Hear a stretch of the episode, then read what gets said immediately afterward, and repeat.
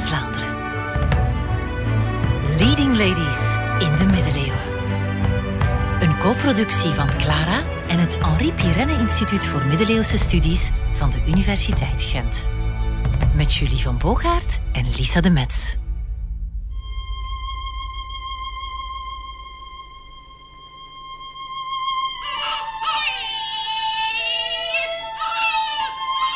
We kunnen even binnenkijken in de grafelijke kinderkamer. In de wieg ligt een pasgeboren prinsesje. We zijn in het jaar 1287, maar het kan ook 86 zijn geweest. Of 88. Verjaardagen vonden ze niet zo belangrijk in de middeleeuwen. Naamdagen, die werden gevierd. En de naam van dat nieuwe prinsesje, dat is Philippa. Philippa van Vlaanderen, dochter van de graaf en gravin van Vlaanderen, Gwijde van Dampierre en Isabella van Luxemburg. Geen verjaardagsfeestjes dus voor Philippa, maar een dooppeter krijgt ze wel. Al viel de keuze in die tijd niet op de beste vriend van de ouders of op de man die de duurste cadeaus kon kopen. Nee, de keuze van een dooppeter voor een prinses werd door politiek bepaald. En zo wordt Philippa van Vlaanderen het petekind van de Franse koning, Philips de Schone. Vandaar haar naam, Philippa.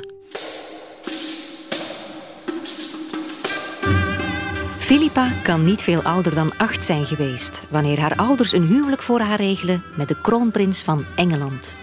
Volkomen begrijpelijk wil de Franse koning zijn petekind nog een laatste keer zien voordat ze naar Engeland vertrekt. En zo wordt Philippa naar Parijs gestuurd. Maar de Franse koning had duidelijk geen namiddag met taart en spelletjes in gedachten. Ja, je dacht toch niet dat de Franse koning oprecht blij was voor Philippa, omdat ze ging trouwen met de kroonprins van Engeland. Engeland, de erfvijand van de Franse kroon. Philippa is nog niet goed en wel aangekomen in Parijs, of ze wordt gevangen genomen en in de kerkers van het Louvre gegooid. Over wat er verder met haar gebeurt, blijft het muisstil. Pas jaren later durft er een chroniqueur te schrijven dat ze in opdracht van de Franse koning is vergiftigd. Het verhaal van Philippa van Vlaanderen zet de toon voor de eeuw die eraan komt. De waanzinnige 14e eeuw. Want Philippa's verhaal zou geen alleenstaand geval blijven. Ze was niet de enige vrouw die werd opgesloten of die spoorloos verdween. In de 14e eeuw zouden vrouwen het best hard te verduren krijgen. Maar eerlijk gezegd kreeg iedereen het toen hard te verduren. De eeuwige spanningen tussen Frankrijk en Engeland liepen zo hoog op dat er oorlog van kwam. En meteen voor 100 jaar. Er waren ook sociale onlusten, opstanden in de steden en er brak een pandemie uit. Kortom, het was een eeuw waarin de ene crisis de andere opvolgde en nog erger maakte. En wat gebeurt er altijd in zo'n crisistijd? De grootste slachtoffers zijn zij die het sowieso al lastig hadden. Armen, minderheden en ja, ook vrouwen. Zelfs in de riante kastelen van de hoge adel. De term waanzinnige 14e eeuw wordt eigenlijk al in de 19e eeuw gebruikt om die eeuw te beschrijven. Het zijn eigenlijk de Franse historici op dat moment die de geschiedenis van Frankrijk gaan neerpennen, die zien van, kijk ja, wat een ellende, oorlog, pest in die 14e eeuw. Het Franse vorstenhuis deed het echt niet goed. Um, dus gaat men eigenlijk die termen gebruiken om uh, ja, daar een etiket op te plakken van kijk, dit is echt de vreselijke eeuw voor de Franse geschiedenis. Het is vooral een eeuw van contrasten. Je hebt een aantal heel erg sterke figuren, een aantal hele sterke vrouwen in die 14e eeuw. Margita van Frankrijk, denk ook aan een Margita van Malen. En je hebt ook een aantal vrouwen die verdwijnen. Eh, een aantal uh, gravinnen waar het mis mee loopt, uh, die ergens verdwijnen, die buiten spel worden gezet. En die eigenlijk wel het clichébeeld vormen van die 14e eeuw. En dat is dan met een andere Margaretha, het geval de Margaretha van Brabant. Er waren heel wat crisissen, uh, geen lachertje voor de mensen toen, maar het maakte het leven van de historici ook niet bepaald makkelijker op. Het is natuurlijk zo dat door die crisistijd, door het feit dat er zoveel oorlog was, dat er daar ook heel veel bronnen verloren zijn gegaan. Dat heel veel abdijen hebben afgezien, waardoor dat die hun collectie, hun archief verloren ging. Heel veel steden, eh, door de grote opstanden, ehm, door de grote crisis, door de pest enzovoort, hebben we eigenlijk echt een bronnenschaarste voor die 14e eeuw. En dat zie je ook echt bijvoorbeeld in het aantal handschriften dat bewaard is voor Vlaanderen. Doorheen de middeleeuwen zie je eigenlijk echt een duik in die 14e eeuw. Niet alleen van bewaring aan de ene kant, denk ik, ook van productie. Er werd wellicht ook gewoon niet zo heel erg veel geproduceerd met een aantal andere dingen om zich mee bezig te houden, om zich om te bekommeren. Met weinig bronnen voorhanden wordt het als historicus natuurlijk wel moeilijk om je job te doen. Maar sommige teksten waren in hun tijd zo opzienbarend dat iedereen het erover had. In kloosters en abdijen, aan universiteiten en aan het hof, iedereen had er een mening over. En die meningen werden toen natuurlijk nog niet snel snel op Twitter geventileerd. Nee, gelukkig voor Lisa werden die geduldig neergepend in traktaten, kronieken en romans. En wat was dan die bestseller die iedereen gelezen moest hebben? De Roman de la Rose. De Roman de la Rose is eigenlijk het populairste boek in de 14e eeuw en ook daarna. En het is, de Roman de la Rose is door twee auteurs geschreven. Um, het is een heel mooi, lang gedicht. Um, het werd in de 13e eeuw geschreven, maar het blijft enorm populair in die late middeleeuwen. De Bourgondische hertogen hebben zeker tien exemplaren. Uh, de ene al mooier uh, verlucht dan de andere in een bibliotheek zitten. Dus het is een zeer populair, zeer um, graag gelezen werk. Ja, zo'n populaire literatuur, dat zegt natuurlijk iets over de tijdsgeest. Daar kunnen we eigenlijk heel veel uit afleiden. Wat leest men graag? Dus hoe denkt men na over uh, een aantal concepten? En de status van de vrouw is nu wel net iets dat in die roman de la Rose terugkomt en waaruit wij iets kunnen afleiden over hoe men over vrouwen dacht in die 14e eeuw. De inhoud van de roman de la Rose was dan wel ophefmakend. Qua vorm voelde het voor de middeleeuwse lezer eigenlijk heel vertrouwd. De tekst is opgebouwd als een droomvisioen, een populair genre in de late middeleeuwen. Dat verloopt altijd op dezelfde manier. Het hoofdpersonage valt in slaap en krijgt een wonderlijke droom waarin hem allerlei wijsheid wordt geopenbaard.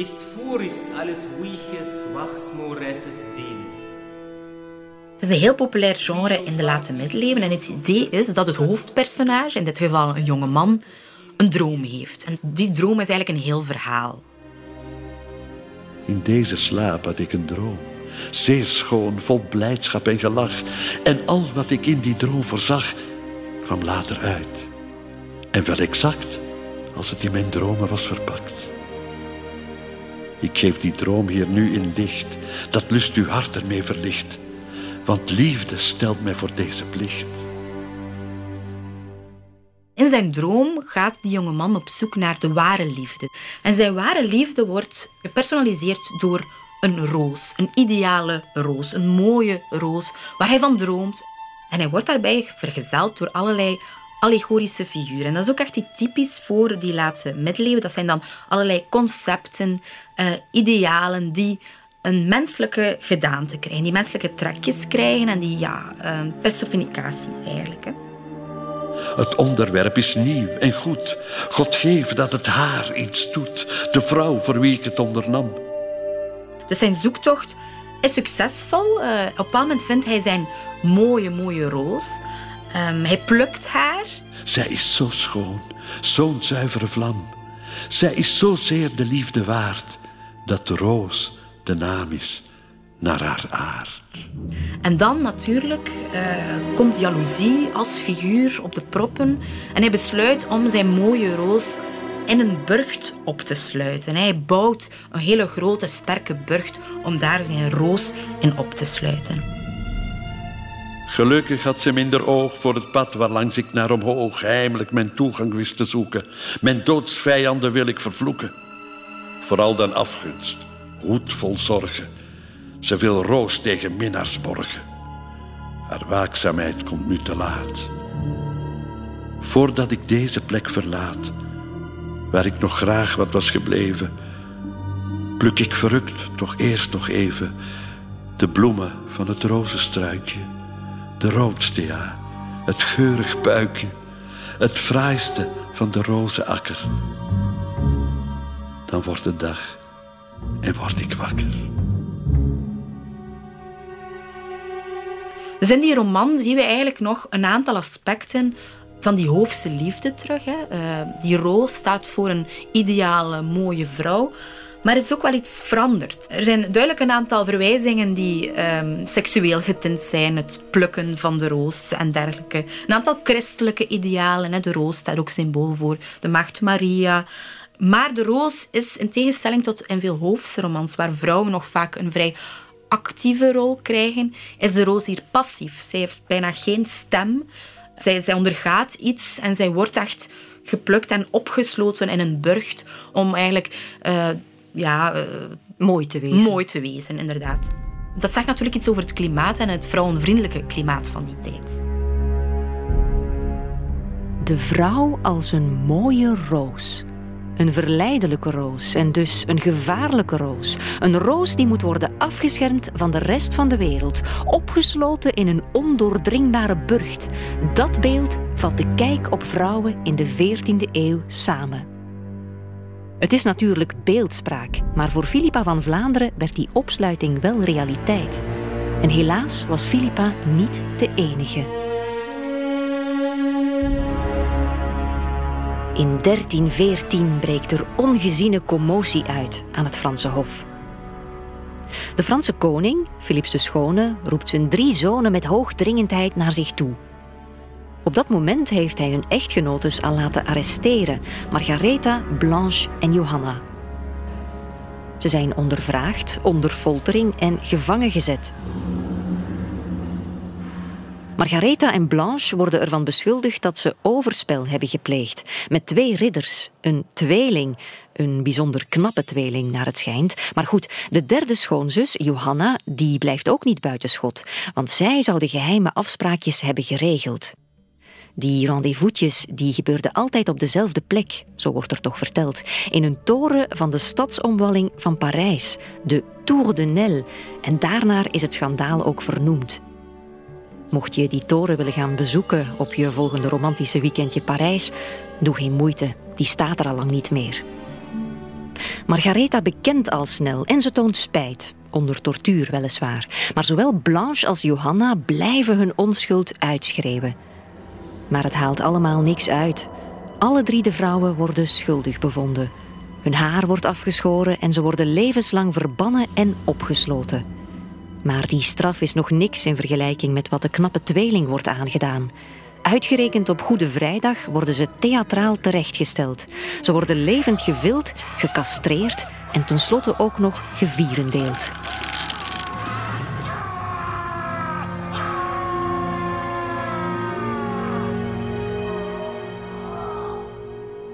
In de 14e eeuw hadden ze dus ook al seksschandalen. Maar de Tour de Nel was meer dan zomaar een smeuïge roddel. Het zijn enkele Franse kronieken die ons inlichten over wat er gebeurt. En die vertellen uh, in allerlei geuren en kleuren een heel spectaculair verhaal, maar ook allemaal in heel erg verschillende versies. Waardoor het heel erg moeilijk is om te achterhalen van wat is daar nu echt gebeurd. Hè? Maar één centraal element komt in al die teksten terug. En dat is dat Ehm, de inmenging van vrouwen op het politieke niveau, dus vrouwelijk staatsmanschap, het feit dat vrouwen zich uh, aan het hof bewegen en daar een politieke rol uh, invullen, dat wordt geproblematiseerd met uh, heel dat schandaal en hoe dat schandaal ook in die chronieken beschreven wordt. En ook over de schuldvraag van die drie schoonzussen lopen de meningen nogal uiteen. Volgens enkele kronieken waren die vrouwen wel echt schuldig. Hè. Dat zijn kronieken natuurlijk die de Franse koning, Philippe de Schone, op dat moment uh, in een positief daglicht willen stellen. Ze willen hem eigenlijk een beetje vrijwaren voor wat er allemaal misloopt aan zijn hof. Hè. En hij zou dan het morele voorbeeld zijn. Hè. Hij zou eigenlijk uh, degene zijn die de moraal van het hof bewaakte tegen eigenlijk de decadentie van, uh, zijn, van zijn schoondochters. En zo eigenlijk leidt dat natuurlijk een beetje af, of is de bedoeling eigenlijk dat die chroniekschrijvers de echte problematieken van die tijd, want er is wel wat aan de hand. Hè. Uh, er zijn conflicten met verschillende baronnen. Uh, ook de tempeliers en de koning die komen absoluut niet overeen. En dus al die problemen die op dat moment aan de hand zijn, die worden eigenlijk een beetje teniet gedaan door echt te gaan focussen op de, dat schandaal, dat schandaal van die schoondochters. Philips de Schone als de moraalridder. Maar in andere kronieken wordt hij neergezet als een goedgelovige sukkel die zich veel te makkelijk laat leiden door wat anderen hem influisteren. Minder koningsgezinde kronieken, dus kronieken die iets verder van het hof geschreven zijn, die duiden eigenlijk uh, op diverse complotten aan het hof. Hè. Volgens de ene is er een heel invloedrijke kamerheer als stereotype die eigenlijk de koning aanstuurt om, om, om zijn schoondochters te gaan opsluiten. Hè. In een andere versie is het zijn eigen dochter, uh, Isabella van Frankrijk, en dus de Engelse vorstin op dat moment, die eigenlijk de initiatiefneemster is hè, en die... Uh, zij heeft eigenlijk door dat er overspel heeft plaatsgevonden. En zij zou eigenlijk zijn gaan klikken tegen haar vader en haar eigen broers zo'n beetje te kijk hebben gezet.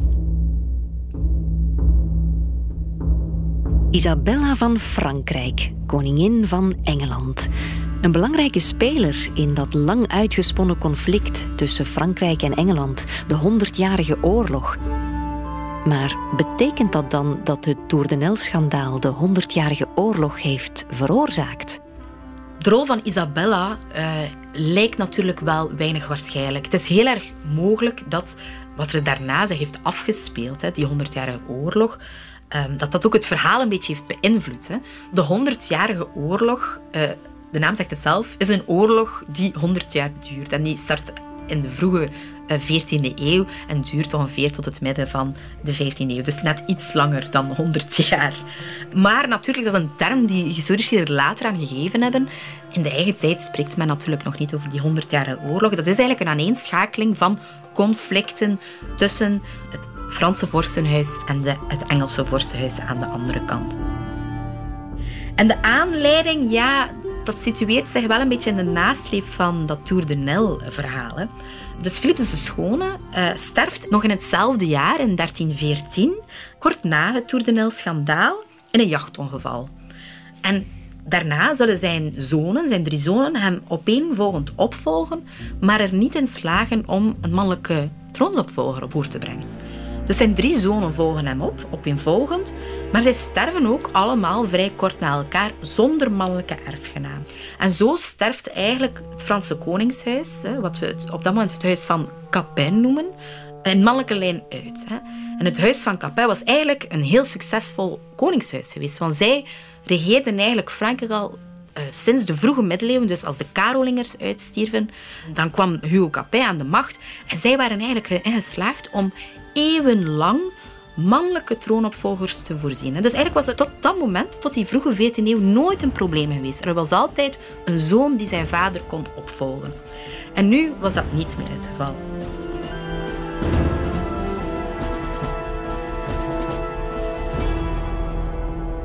Philips de Schone heeft eigenlijk zijn, zijn drie schoondochters aangeklaagd voor overspel. Hij heeft eigenlijk die drie vrouwen lange tijd opgesloten. En twee van die vrouwen zijn al, eentje zal overlijden in gevangenschap.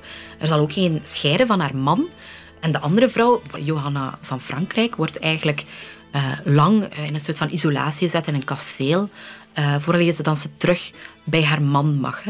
Dus eigenlijk heeft hij de, eigenlijk zijn eigen erfopvolging een beetje gesaboteerd door zijn zonen weg te houden van hun vrouwen. Hè. Um, en zo eigenlijk ervoor gezorgd dat er geen opvolgers kwamen en dat er dan alleen maar meisjes waren. Want behalve die drie zonen waren er ook nog uh, dochters. Ja. Dus uh, Philips de Schone had drie zonen en had een dochter. Hij had uh, Isabella van Frankrijk en zij was gehuwd met de Engelse koning. En dan is natuurlijk de vraag wat doen we nu? We hebben wel een heleboel vrouwen die mogelijk aanspraak maken op de troon. Maar kan dat? Willen we dat? Uh, doen we dat? Wie wordt de nieuwe Franse koning?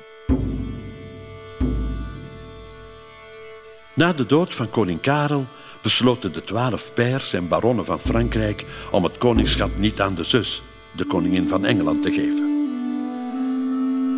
Ze beweren en blijven al dus beweren dat het koninkrijk Frankrijk zo nobel en edel en vooraanstaand is dat het niet kan worden overgedragen aan een vrouw, noch aan de dochter van een vrouw.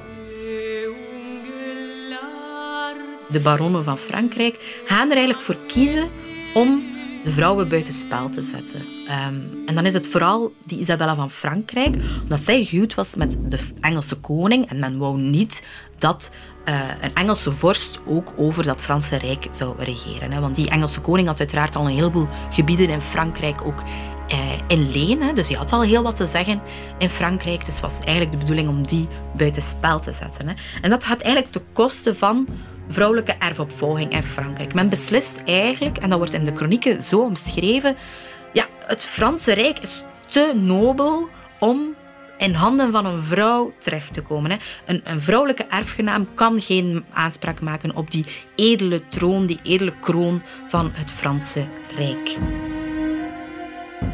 In alle andere vorstendommen ehm, die leen waren, dus die afhankelijk waren van die Franse kroon, ehm, was erfopvolging door vrouwen nooit een probleem geweest en zou het ook in de toekomst geen probleem zijn. Hè? Dus het gaat enkel over dat Franse koningschap. Dus men gaat kijken wie is de dichtstbijzijnde man die in aanmerking komt. En dan komt men eigenlijk terecht bij een, een zijtak. Hè. Gaat men terug naar een broer van de Franse koning zelf, van Philips de Schone. En dan probeert men die tak te vormen. En dat is dan een nieuwe tak. En dat is dan een achterneef van die, van die uh, Franse koningen op dat moment, van dat huis. En dat wordt een nieuwe dynastie. En we noemen die de Valois-dynastie.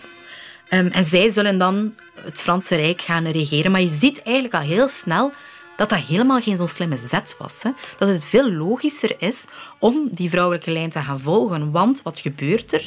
Uiteraard gaat de zoon van Isabelle van Frankrijk, en die is dan Engelse koning op, die wordt de koning van Engeland, dat is Edward. Die gaat eigenlijk zeggen van mij, ik, mijn moeder is veel dichter bij Philips de Schone. Zij is een veel rechtstreeksere erfgenaam van in de directe lijn dan die, dan die Valois-dynastie. Ik heb veel meer recht op die Franse kroon dan die Valois-vorsten. En dat blijft eigenlijk zo een beetje de inzet voor 100 jaar. Hè? Dus die inzet blijft eigenlijk van, ja, kijk, het recht van die Engelse vorsten op dat uh, koningshuis. Dus je kan eigenlijk zien dat dat, dat misschien wel verstandiger was geweest om het toch in de vrouwelijke lijn te laten voorgaan. Maar natuurlijk, dan had je wel een ander verhaal gehad.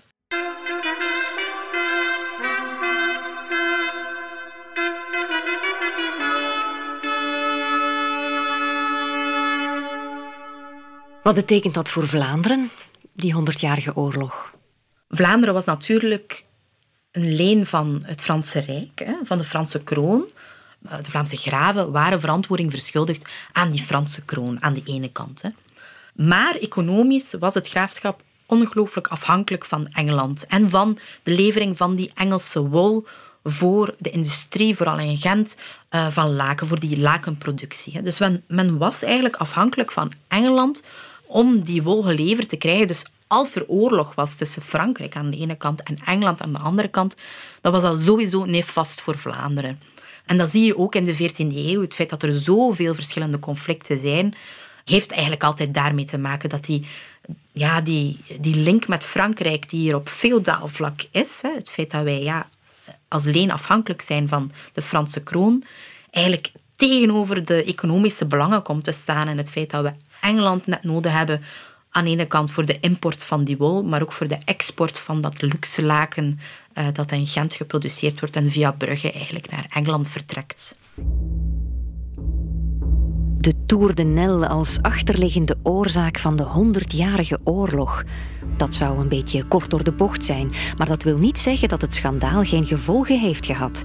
In de eerste plaats voor de drie schoonzussen natuurlijk. Enkel Johanna kon nog op eerherstel rekenen. Ten slotte had zij ook alleen maar bemiddeld en bovendien is haar man haar altijd blijven steunen. Beetje bij beetje mocht Johanna haar plaats aan het hof weer opnemen. Johanna zou in 1317 uiteindelijk toch nog tot koningin van Frankrijk worden gekroond. En het is bijzonder dat haar dochter, Margrethe van Frankrijk, die trouwt dan in 1320 met de Vlaamse graaf. En zo heeft het schandaal natuurlijk een, ja, een beetje een directe link met het graafschap Vlaanderen. Direct, hè, omdat die dochter van, dat, van die schandaalmoeder gravin van Vlaanderen wordt. Maar ook indirect, omdat er natuurlijk ja, die schandaalsfeer, die morele, ja, er worden toch wel morele en politieke eisen gesteld rond vrouwen die zich aan dat hof begeven. En vrouwen die worden wel extra goed in de gaten gehouden. Hè. Vrouwen worden geacht om met een zekere zeden en moraal aan het hof te resideren en die horen onberispelijk te zijn. Ehm, en wanneer dat niet zo was, wanneer er twijfels waren over die zeden en die moraal van een bepaalde vrouw, dan kon die wel eens verdwijnen van het hof. Een roos omsloten door de muren van een burcht.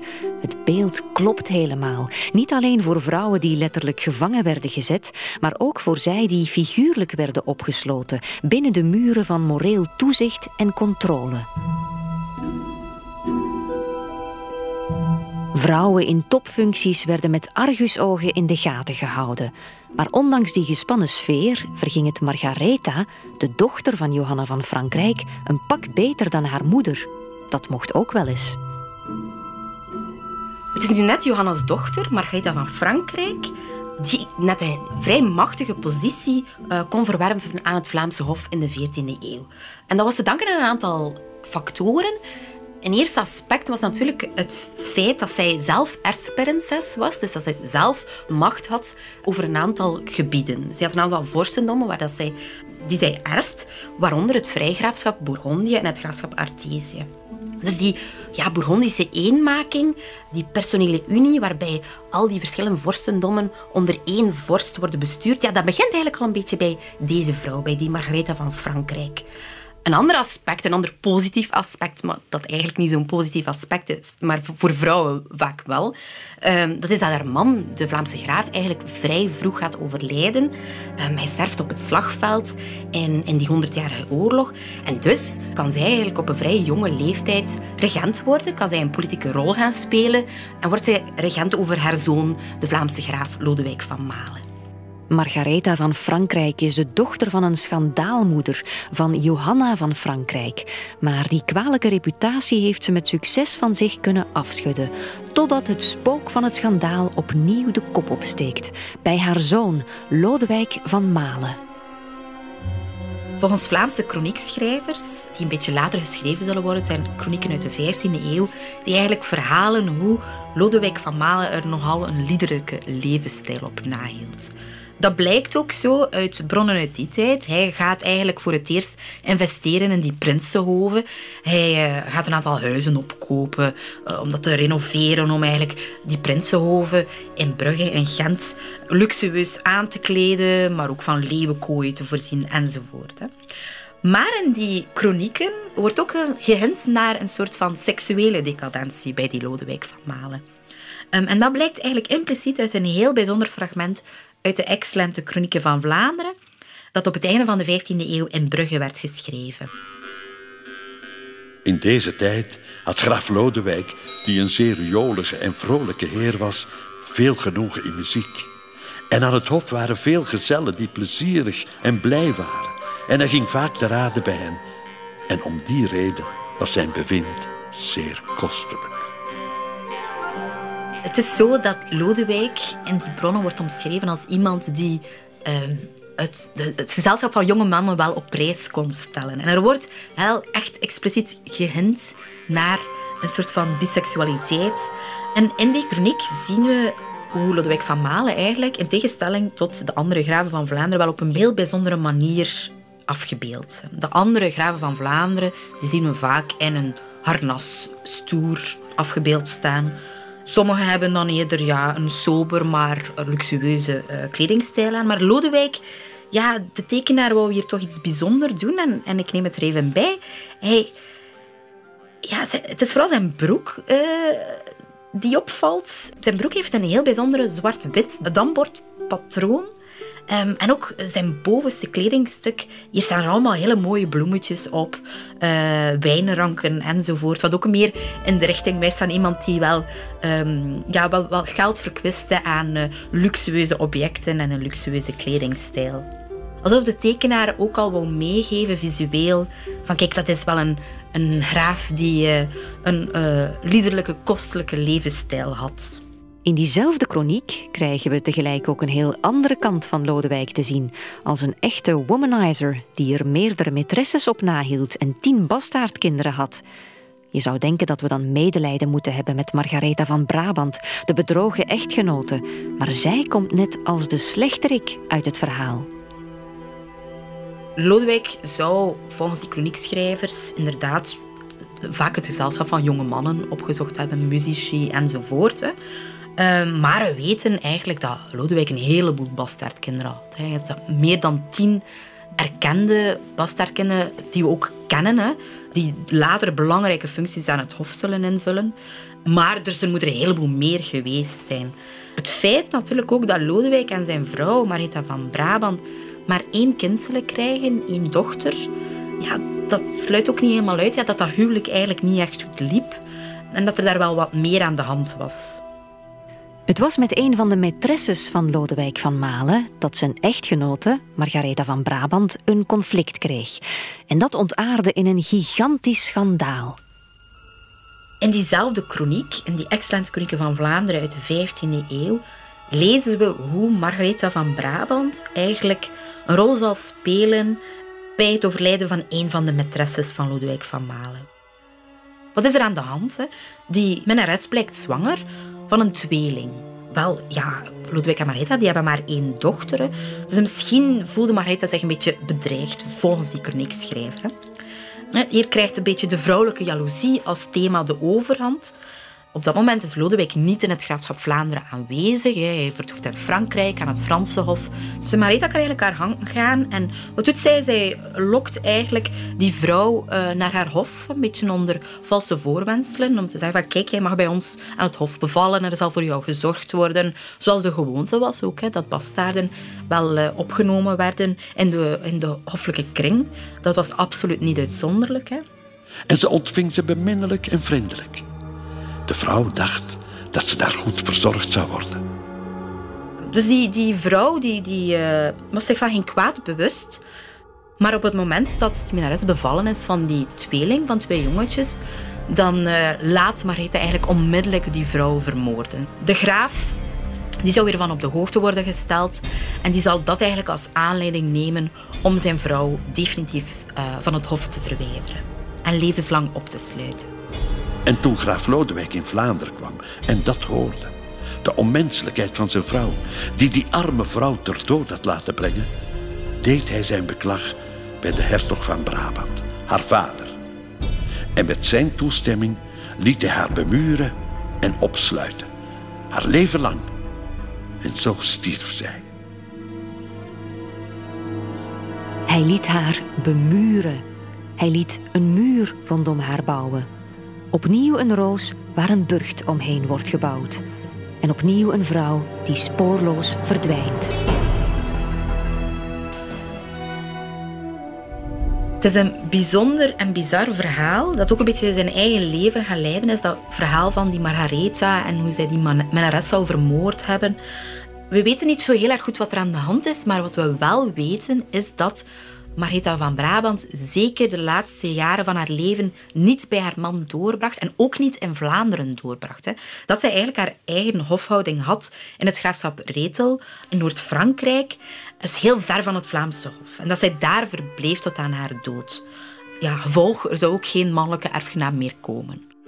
Maar dat verhaal van uh, Margaretha van Brabant, die die maîtresse laat ombrengen, dat is toch een beetje een cliché-verhaal van uh, de vrouwelijke jaloezie, hè? Is een bijzonder stereotype portrettering van die vrouw. Er wordt eigenlijk een verklaring gegeven die we heel veel in ridderromans en dergelijke zien. De jaloerse echtgenote die nogal kwalijke rol speelt. Dus daarom mogen we het ook niet zomaar geloven. We kunnen natuurlijk, we weten dat er echt iets gebeurd was. Maar vaak wordt dat later ingevuld met verhalen die men kende, die herkenbaar waren en waar men eigenlijk iets uit kon leren, waar men iets over kon afleiden. Begint op een patroon te lijken. Schandaal en succes wisselen elkaar af per generatie.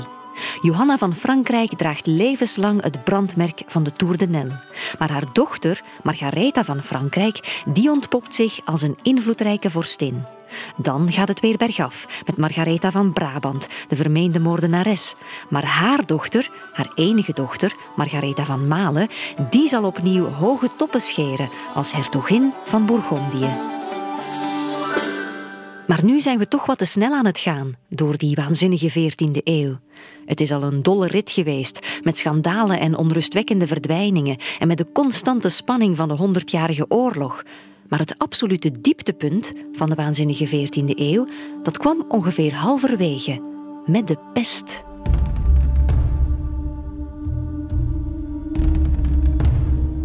In de zomer van 1349 breekt de pestepidemie Vlaanderen. Ehm, en we zien eigenlijk hoe snel dat, dat gaat.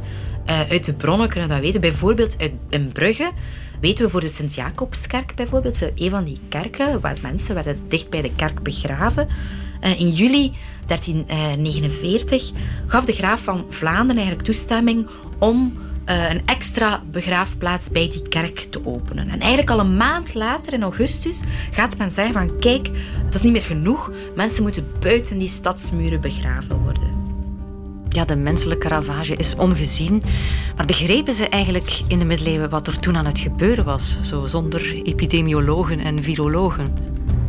De middeleeuwen eh, die kon de impact van die epidemie eigenlijk al op een heel intelligente manier begrijpen en verwerken. En dat lezen we onder meer in chronieken die daarna geschreven worden, waarin eigenlijk vermelding wordt gemaakt van kijk ja, er was wel een relatie tot internationale handel, mensen die reizen, die die ziekte van de ene plaats naar de andere plaats brengen en ook de impact in, ja, er was een heel groot sterftecijfer um, en een schatting van uh, ja, hoeveel mensen dat er gestorven zijn, dat deed die middeleeuwen ook. In hetzelfde jaar was een vreselijke sterfte in de christelijke wereld. Het kwam van Indië, uit het oosten, tot in Jeruzalem. En dan voorts vanuit de zeekant tot in Spanje, naar Londen, de Provence, Bourgondië. En deze sterfte begon in het jaar 1345. Het duurde drie jaar en men zei dat de sterfte zo groot was dat twee delen van de aarde stierven. De pest en corona. Twee heel verschillende ziekten in twee heel verschillende tijden. En toch voelt het soms allemaal heel herkenbaar. Iets te herkenbaar misschien. Ik zou je nog kunnen vertellen over het zorgpersoneel, dat ook tijdens de pest in de vuurlinie stond. En dat waren toen ook al vaak vrouwen. De zusters van het hospitaal Onze Lieve Vrouw van de Potterie in Brugge bijvoorbeeld. Zij zijn bij bosjes gestorven. En ik zou je ook over middeleeuwse tweede verblijvers kunnen vertellen. Edelieden die zich gingen afzonderen in hun buitenverblijf op het platteland. Maar eerlijk, ik heb niet echt zin om dat allemaal nog eens te herbeleven. Zullen we in de plaats daarvan eens niet vooruitkijken naar ja, eigenlijk de situatie waar wij ons nu ook in bevinden, in de nasleep van een pandemie? De pest had diepe wonden geslagen, maar ook in de middeleeuwen waren ze veerkrachtig genoeg om weer recht te krabbelen en het leven verder te zetten. En ze vonden zo hun eigen manier om met hun trauma om te gaan, door dichter bij God te komen en dichter bij elkaar.